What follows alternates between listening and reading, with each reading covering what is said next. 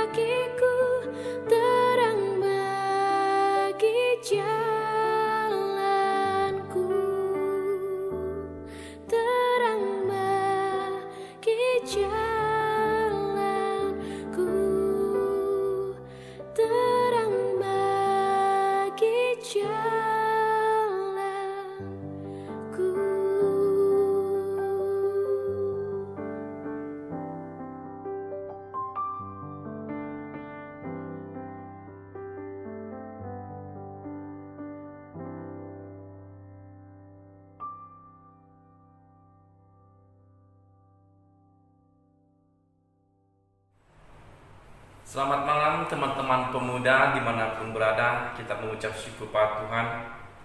Tuhan masih memberikan kita kesehatan sampai hari ini.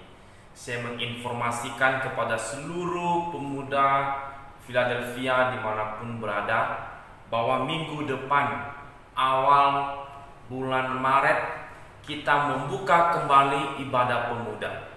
Mohon kita berdoa kepada Tuhan Supaya Tuhan boleh memberkati niat baik ini. Dan jadi sudah satu tahun ya kurang lebih kita tidak bisa ibadah karena pandemi ini.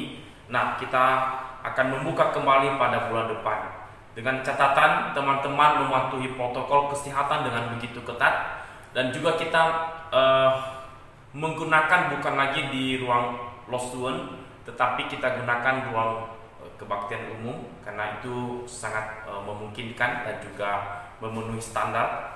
Eh, juga kita menggunakan bilik di depannya dan dengan begitu ketat teman-teman harus memakai masker. Dan kemudian lebih daripada itu juga durasi ibadah kita juga kita persingkat hanya satu jam saja. Jadi teman-teman silakan mempersiapkan diri publikasikan ini kepada teman-teman yang lain bahwa kita akan membuka ibadah kembali pada bulan depan jadi minggu depan tepatnya ya di minggu pertama nah pada akhir bulan Februari ini kita masih membicarakan tema bulan kita yaitu tentang bahasa kasih. Nah teman-teman pasti sudah mendengarkan video selama e, tiga minggu lamanya, jadi yang sudah kita lewati ya. Nah jadi bahasa kasih manusia itu ada lima, nah, kita sudah bahas empat. Itu kita sudah bahas tentang apa tindakan pelayanan, ya, kemudian sentuhan fisik, kemudian waktu yang berkualitas dan pemberian. Jadi itu bahasa kasih kita. Jadi kita harus tahu bahasa kasih saya apa sih supaya nanti ketika kita berrelasi dengan orang lain khususnya misalnya dalam hubungan kita dengan orang yang terdekat dengan kita misalnya kalau kita udah menikah nah, jadi mengerti bahasa kasih pasangan Anda apa nah malam ini kita bahas bahasa kasih yang terakhir itu kata-kata penegasan atau kata-kata motivasi ya nah kita melihat Amsal pasal 16 ayat 24 Amsal 16 ayat 24 demikian firman Tuhan. Perkataan yang menyenangkan adalah seperti sarang madu, manis bagi hati dan obat bagi tulang-tulang. Perhatikan ya, perkataan yang menyenangkan adalah seperti sarang madu, diumpamakan seperti sarang madu yang dikatakan manis bagi hati dan obat bagi tulang-tulang. Nah, perkataan perkataan itu betapa berkuasa sebetulnya kalau kita memperhatikannya dengan teliti. Dan jika kita memperhatikan dengan teliti dan mengerti dengan baik, maka kita pun tidak berani berkata-kata dengan sembrono, ya, asal bicara saja. Perkataan itu membawa pengaruh besar bagi orang lain. Atau perkataan itu ada dampaknya yang dapat dirasakan oleh orang lain. Dampak perkataan itu ada dua. Pertama, perkataan menghasilkan sesuatu yang negatif. Dampaknya membawa berdampak negatif bagi orang lain. Misalnya kata-kata kotor, kata-kata yang tidak membangun, kata-kata yang menyakitkan hati, dan kata-kata yang melukai orang lain. Dengan kata-kata kita, kita bisa melukai orang lain, orang yang dekat dengan kita, tanpa kita sadari. Dan dengan kata-kata juga bisa menghasilkan konflik yang begitu besar. Bisa menimbulkan masalah yang begitu besar. Dan kata-kata yang tidak membangun itu betapa tidak bernilainya. Dan itu hanya menghasilkan kerugian baik pada diri kita maupun pada orang yang mendengarnya. Nah, kita sebagai pemuda, sebagai pemudi tidak boleh kita mengeluarkan kata-kata makian, kata-kata yang sembrono saja. Kata-kata yang melukai hati orang lain. Coba pikirkan dan renungkan diri kita masing-masing. Betapa banyak kata-kata yang kita keluarkan dan itu betapa orang lain terluka dengan kata-kata itu. Banyak orang lain terluka dengan kata-kata kita. Entah itu orang rumah, entah itu orang di sekitar kita, teman-teman kita dan lain sebagainya. Mereka terluka dengan kata-kata kita. Nah hari ini kita belajar. Kita belajar pada dampak yang baik. Itu yang kedua apa selain dampak negatif itu dampak positif. Mengeluarkan kata-kata yang memberikan dampak positif bagi orang lain. Dan inilah yang sebetulnya yang dapat membangun diri orang lain. Kata-kata yang baik itu itu umpama dikatakan tadi apa sarang madu. Ya, Amsal mengatakan seumpama sarang madu yang menjadi obat bagi hati dan juga menguatkan dan atau dikatakan memberikan kesegaran ya bagi tulang-tulang atau obat bagi tulang-tulang. Nah, ini yang harus teman-teman perhatikan. Kita harus mengeluarkan kata-kata yang membangun, kata-kata yang baik, kata-kata yang positif. Kata-kata yang baik ketika kita keluarkan maka itu akan memberi semangat bagi orang yang mendengarkannya. Membuat seseorang itu gembira, membuat seseorang itu termotivasi, semangat kembali, bangkit dari keterpurukan dan dia menatap berani untuk ke depan. Jadi kata-kata itu punya power yang luar biasa. Powernya ini membuat seseorang bisa melakukan sesuatu yang lebih yang tidak biasa-biasa. Nah, itulah yang dikatakan oleh Amsal. Perkataan yang menyenangkan, perkataan yang positif adalah seperti sarang madu. Kita tahu madu begitu manis ya. Bukan hanya begitu manis, khasiatnya itu memberi kekuatan. Memberikan kita apa namanya, menambah imun kita. Apalagi di tengah pandemi ini ya. Ya, sering-sering minum madu lah supaya imun tambah dan makin sehat. Jadi dikatakan seperti madu, manis bagi hati menundukkan hati seseorang. Dan itulah yang firman Tuhan ajarkan. Kata-kata ini dapat mengutuk orang dan juga dapat memuliakan Tuhan, memuji Tuhan, memberkati orang lain. Firman Tuhan mengajarkan kita harus mengeluarkan kata-kata yang menyenangkan. Termasuk juga dengan pasangan kita. Misalnya nanti kalau udah menikah ya. Jadi bagaimana engkau bisa mengolah kata-katamu menjadi kata-kata yang menyenangkan. Banyak orang punya bahasa kasih dengan kata-kata. Jadi ketika dia mendengarkan kata-kata motivasi dari orang lain atau atau orang lain memotivasi dia, maka dia bangkit kembali. Saya saya salah satu bahasa kasih saya salah satunya adalah kata-kata. Ketika saya down, ketika saya apa namanya lemah, terpuruk. Jadi jika ada orang memberi satu kata-kata yang baik, kata-kata motivasi, kata-kata yang menguatkan, oh saya bangkit. saya begitu ah semangat kembali, langsung hilang rasa stresnya atau dan segala atau rasa galau dan segala macam ya. Jadi betapa kata-kata itu membekas di dalam hati. Jadi kalau baik akan membawa dampak yang baik, kalau buruk akan membawa dampak yang buruk juga. Nah, jadi teman-teman harus hati-hati dengan kata-kata. Jadi kata-kata yang menyenangkan bagaikan serang madu yang manis bagi hati, obat bagi tulang-tulang. Makanya saya katakan tadi kata-kata itu membawa membakar semangat seseorang. Oh, kembali dia bersemangat ya. Nah, kemudian teman-teman perkataan juga ketika kita sudah ucapkan itu tidak akan bisa kembali lagi. Seumpama seorang pemanah ketika dia sudah melepaskan anak panah itu, maka anak panah itu dia tidak mungkin kembali lagi. Dia akan melayang ke mana saja sesuai dengan sasaran. Jadi betapa buruknya jika seseorang mengeluarkan kata-kata yang melukai seseorang atau kata-kata yang buruk, betapa banyak orang yang terlukai. Ibarat panah yang dilepas secara sembarangan itu bisa mengena siapa saja. Nah, kata-kata tidak bisa ditarik kembali.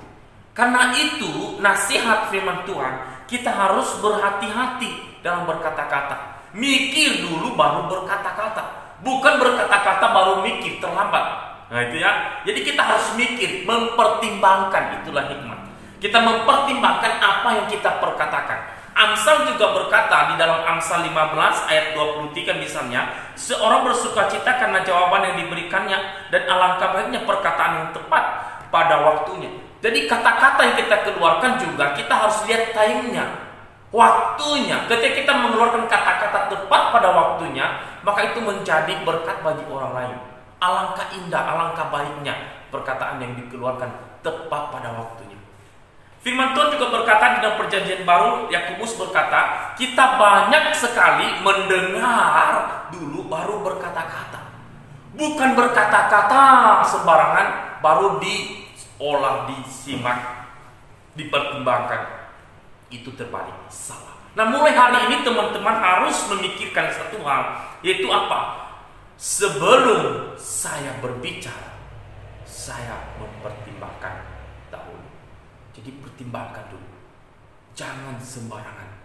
Ingat ya, nah itulah yang Tuhan mau bagi kita. Sehingga perkataan kita memuliakan Tuhan dan juga memberkati orang lain. Jadi ingat-ingat ya, jadi mikir sebelum berkata-kata. Ya, jangan terbalik. Berkata-kata dulu baru mikir. Nah, hal lain juga yang kita perhatikan dari kata-kata motivasi adalah itu dapat memberikan motivasi itu pada diri kita maupun pada orang lain. Ya. Jadi kata-kata bisa memberikan kita motivasi. Misal kita kita mendengarkan kata-kata seseorang atau perkataan orang lain yang menginspirasi kita. Ya, jadi memotivasi diri kita. Atau dengan satu perkataan juga itu menjadi tekad kita, komitmen kita. Aku punya target. Nah, jadi kata-kata ini seakan-akan mendorong kita untuk terus berjalan meskipun di tengah-tengah kesulitan. Nah, jadi dengan kata-kata kita bisa kita bisa berjalan di dalam impian kita atau cita-cita kita. Ya, kemudian juga memotivasi orang lain. Misalnya Anda punya kata-kata atau e, e, perenungan-perenungan ya atau kata-kata apa namanya itu kata-kata motivasi. Nah, Anda juga bisa membagikan ke orang lain supaya orang lain bisa termotivasi. Nah, teman-teman pemuda, perkataan yang baik adalah berasal dari Tuhan itu firman Tuhan. Di dalam firman Tuhan kita menemukan banyak sekali perkataan-perkataan yang menegaskan dan memberikan kita kekuatan untuk bangkit dari segala pergumulan dan keterpurukan kita. Firman Tuhanlah sumber daripada perkataan yang baik dan itu kebenaran sendiri.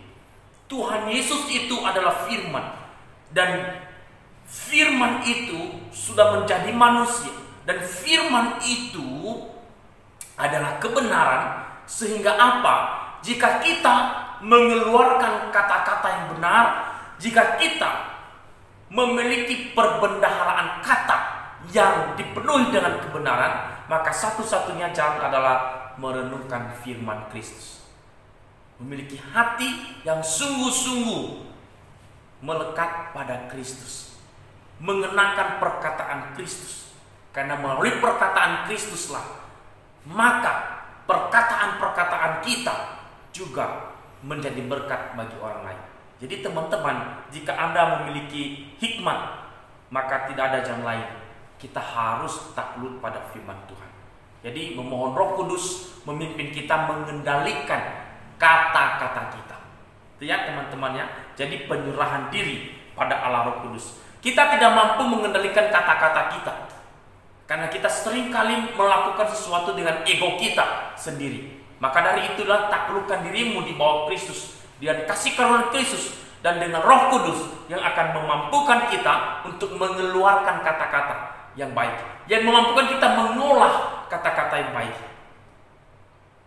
Kita bisa mengendalikan diri dengan pertolongan Roh Kudus. Jadi teman-teman, engkau bisa dapat mengendalikan diri ketika engkau menyerahkan dirimu ke dalam pimpinan Tuhan. Nah, jadi inilah firman Tuhan yang kita renungan, yang kita renungkan kali ini. Nah, semoga dapat memberikan kita pengertian dan membangun iman kita. Amin. Teman-teman pemuda, dalam kesempatan ini juga saya mengucapkan selamat ulang tahun untuk teman-teman pemuda, anggota pemuda-pemudi yang berulang tahun di bulan Februari ini. Jadi teman-teman saya mengucapkan selamat ulang tahun untuk Valen, untuk Felicia Febriana, untuk Alfionita, selamat ulang tahun Alfionita, semangat, terus dan setia melayani Tuhan. Selamat ulang tahun untuk Lina, selamat ulang tahun juga untuk Yosafat. Ya ini Yosafat begitu luar biasa dia bagian multimedia baik di pemuda juga maupun di umum ya. Jadi Tuhan memberkati Yosafat di dalam pelayanan dan juga untuk masa depan. Untuk Melissa Febrianti, untuk Jenis dan juga untuk Jessica Saliwin ya. Jadi selamat ulang tahun untuk kalian semua. Saya berdoa kiranya Tuhan memberkati masa depan kalian, iman kalian dan juga Tuhan memberkati pasangan hidup kalian ya, cita-cita kalian dan pekerjaan kalian. Saya rindu kita bersama-sama bertumbuh di dalam Tuhan. Kita bersama-sama semangat di dalam pelayanan di Komisi Pemuda. Nah, nanti pada minggu depan ini ada ibadah kembali dibuka dan saya rindu teman-teman pemuda, anggota pemuda, ayo datang kita beribadah kepada Tuhan. Ya, selamat ulang tahun. Tuhan memberkati kalian semuanya. Amin.